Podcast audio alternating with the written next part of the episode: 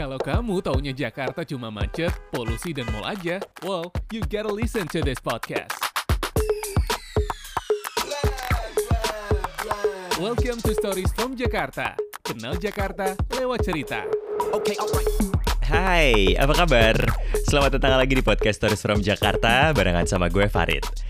Episode kali ini mungkin sedikit cukup personal karena gue mau cerita tentang daerah tempat gue besar yaitu Rawa Belong.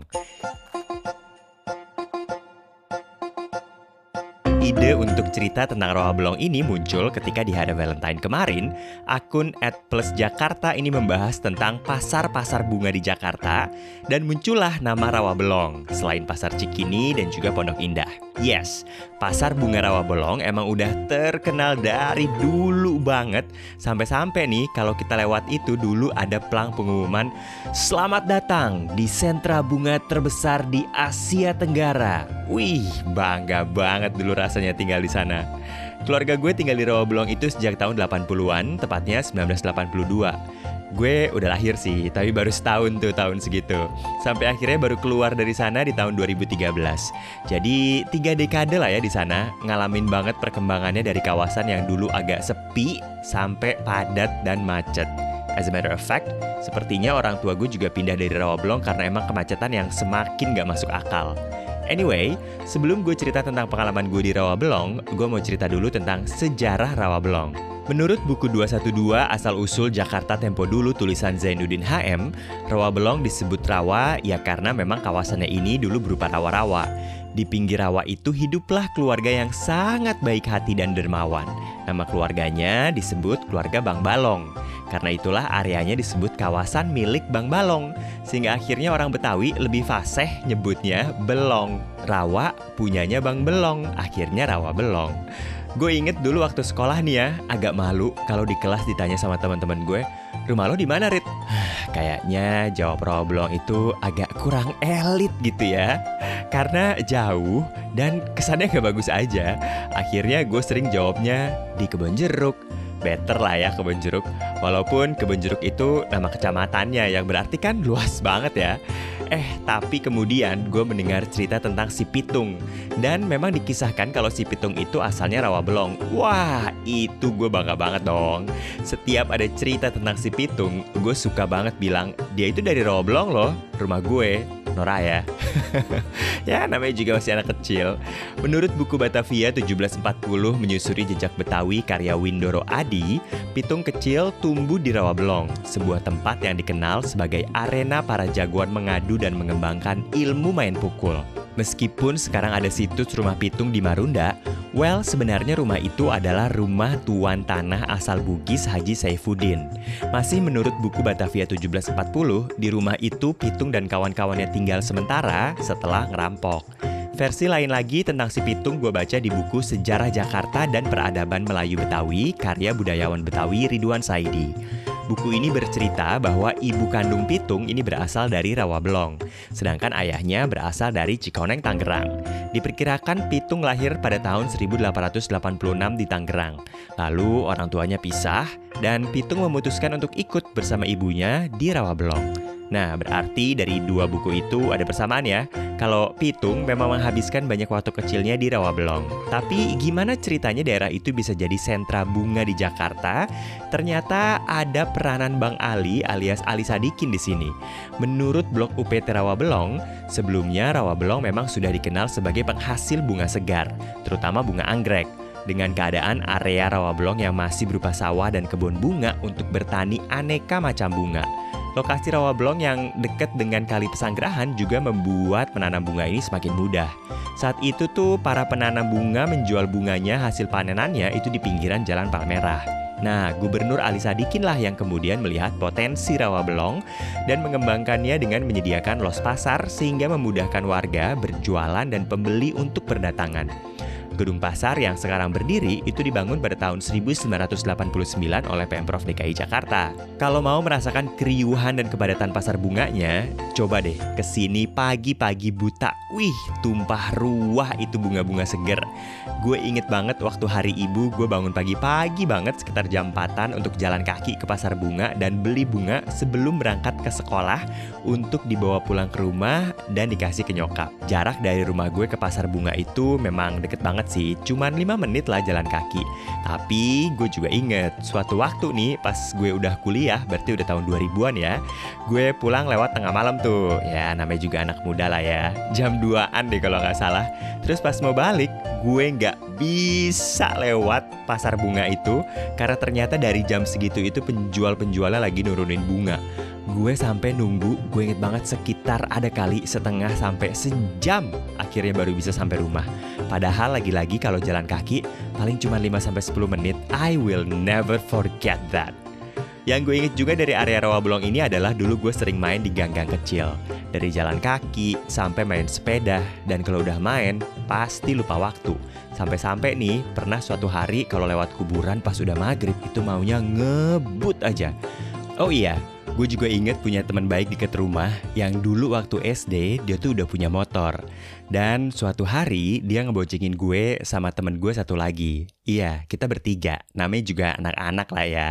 Suatu malam, kita bertiga naik motor diboncengin sama dia keliling-keliling, masuk-masuk ke gang yang agak jauh, sampai lagi-lagi harus lewat kuburan dong. Dan tiba-tiba gue lupa kenapa motornya mogok pas di kuburan. Wih, paniknya setengah mati. Terus gue kabur duluan karena takut. Eh, temen gue marah karena gue gak bantuin gotong motornya. ya, maaf ya. Anaknya juga penakut soalnya. Terakhir gue ke Rawablong itu di bulan Januari di tahun 2020 bareng klub tukang jalan. Ketika itu gue bukan jadi tour guide tapi jadi peserta tour. Dan kita jalan kaki dari persimpangan Rawablong sampai ke Pasar Bunga.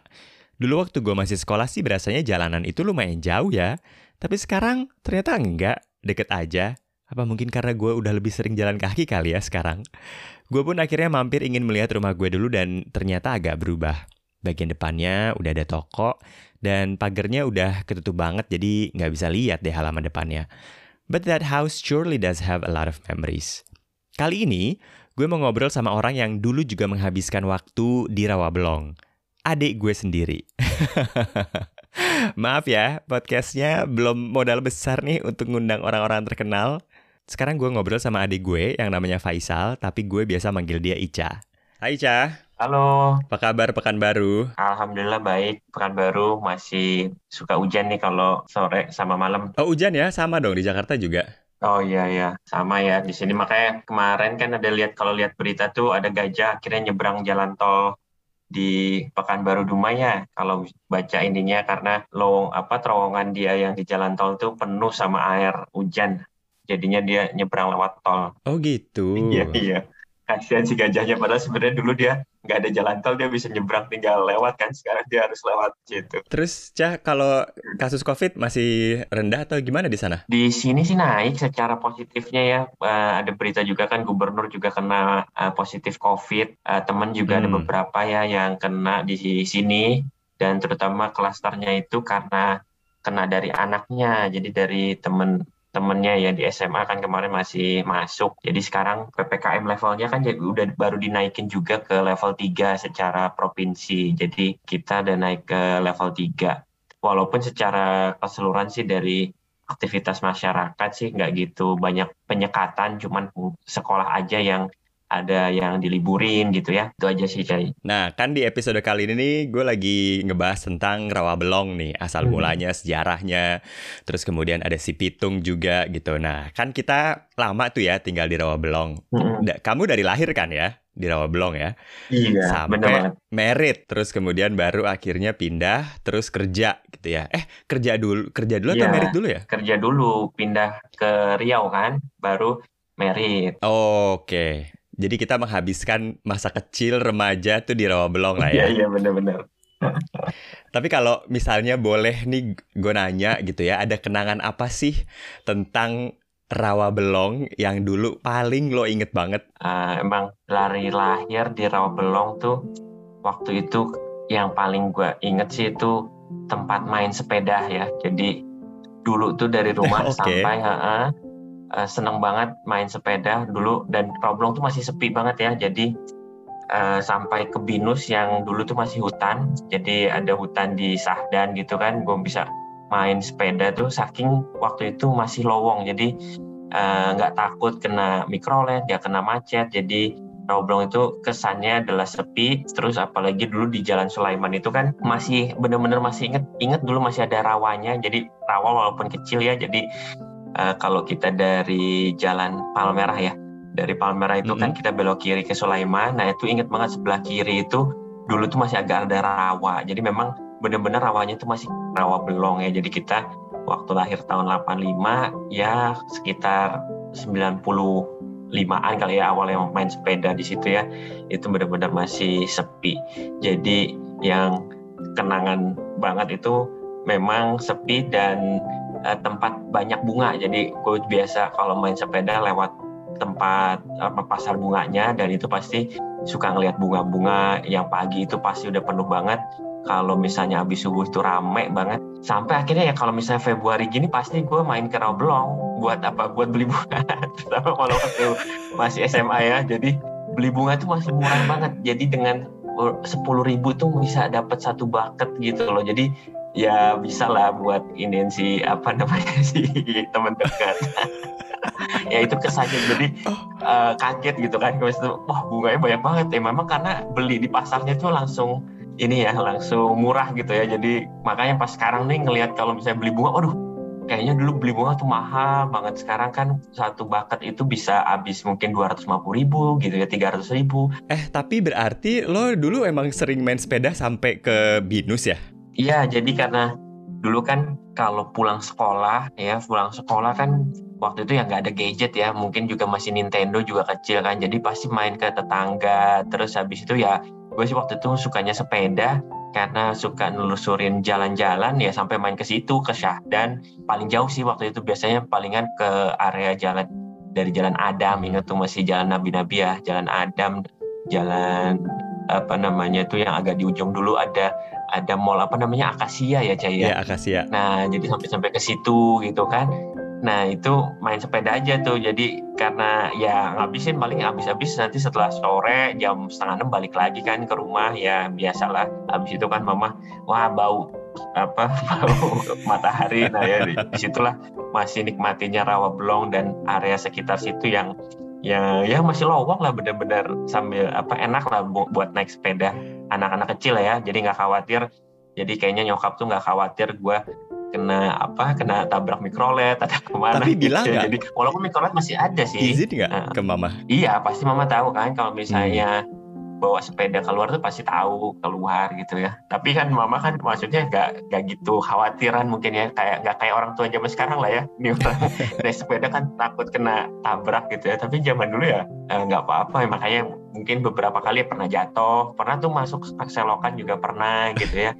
Di liga kecil kalau nggak salah tapi memang itu kan seharian sore sih biasanya kayak gitu tuh ngabisin waktunya tuh? Itu lo main sepedanya sendiri atau sama teman-teman di sekitar? Hmm, dulu sih ingetnya banyak kan sendiri. Jadi uh, biasanya main sebentar sama temen eh habis itu rata-rata sendiri kalau yang nelusurin ini. Karena gue juga mapping-mapping gambar di kertas ya zaman dulu kan gak ada Google Map. Oh jadi ini kalau dijadiin satu dari rumah tuh uh, Jalan Daud, Jalan Sulaiman, Jalan mana. Nah, nah itu nanti biasanya gue oh ya yang ini belum belum pernah di apa lewatin nih. Akhirnya lewat ke situ jadi naik sepeda ke situ. Biasanya sih sendiri. Hmm. karena memang kayaknya ada adventure di situ kali ya nikmatinya. Oke nah ini kan lo udah pernah merasakan tinggal di akhirnya keluar dari Jakarta gitu ya. Eh, apa yang membedakan menurut lo apa yang membedakan Rawabelong itu sendiri dengan tempat tinggal lo yang sekarang nih? Sekarang kan lo tinggal di Pekanbaru ya? Bandinginnya sama Rawabelong sekarang atau Rawabelong zaman dulu? Yang zaman dulu boleh yang sekarang juga boleh sih. Iya kalau bandingin yang sama yang zaman dulu mungkin hampir sama untuk sepinya. Jadi kalau sekarang kan gue tinggal di Pekanbaru itu nggak terlalu rame. Jadi masih sekitaran komplek yang bisa untuk main-main jalan sepeda gitu ya dekat-dekat sini itu miripnya. Terus kalau yang bedanya yang jelas ya ini Rawabelong tuh pasti pasar apa bunganya. Jadi uh, di sini apalagi daerah gue sekarang kan bunga tuh sus susah nyari yang fresh gitu ya. Biasanya memang kalau di sini kan dari Sumatera Barat paling banyak. Sementara kalau dulu mungkin Rawabelong kan memang pusatnya uh, dari Bandung gitu ya atau dari bunga-bunga yang pemasok Jakarta di situ. Itu yang paling kangen lah ya bedanya banget tuh uh, Roblox yang apa sama yang sekarang. Lo kapan terakhir balik ke rawa, ngelihat belong yang sekarang? Nah terakhir tuh kemarin sempat waktu uh, eh tahun lalu, tahun lalu kan lewat tapi nggak sempat memang benar-benar lewat rawa belongnya, cuma lewat ke Sahdanya aja tuh pulang dari kebun jeruk, tiba-tiba diarahin sama Google Map lewat lebih cepat lewat arah Kemanggisan kan, Kemanggisan terus. Nah cuman memang nggak sampai lewat jalan Daudnya sih. Hmm. cuman lewat di Kemanggisan arah situ aja. Hmm.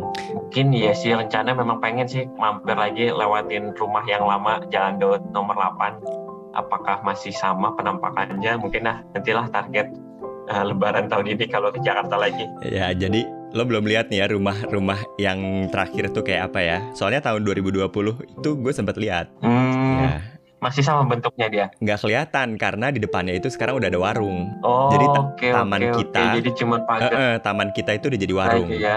Terus ya pagernya nggak oh. kelihatan yang sebelah kiri, jadi nggak nggak nggak kelihatan. Yeah, Cuman yeah. masih dari kalau lantai duanya itu masih kelihatan uh, sama masih sih kelihatan ya. bentukannya. Yeah, Oke. Okay. Ya. ya ingatlah belum masukin mobil tuh kan susah kan? Ya betul. Harus nyetok mobilnya. ya udah kalau gitu Makasih aja. Sampai ketemu lagi nanti kapan-kapan kalau ke Jakarta. Thank you, sukses terus, sehat selalu. Well, Rawabelong memang sudah banyak berubah. Sama seperti kota Jakarta sih. Some people go, some people stay. For what it's worth, I hope Rawabelong dan pasar bunganya tetap menjadi kebanggaan Jakarta.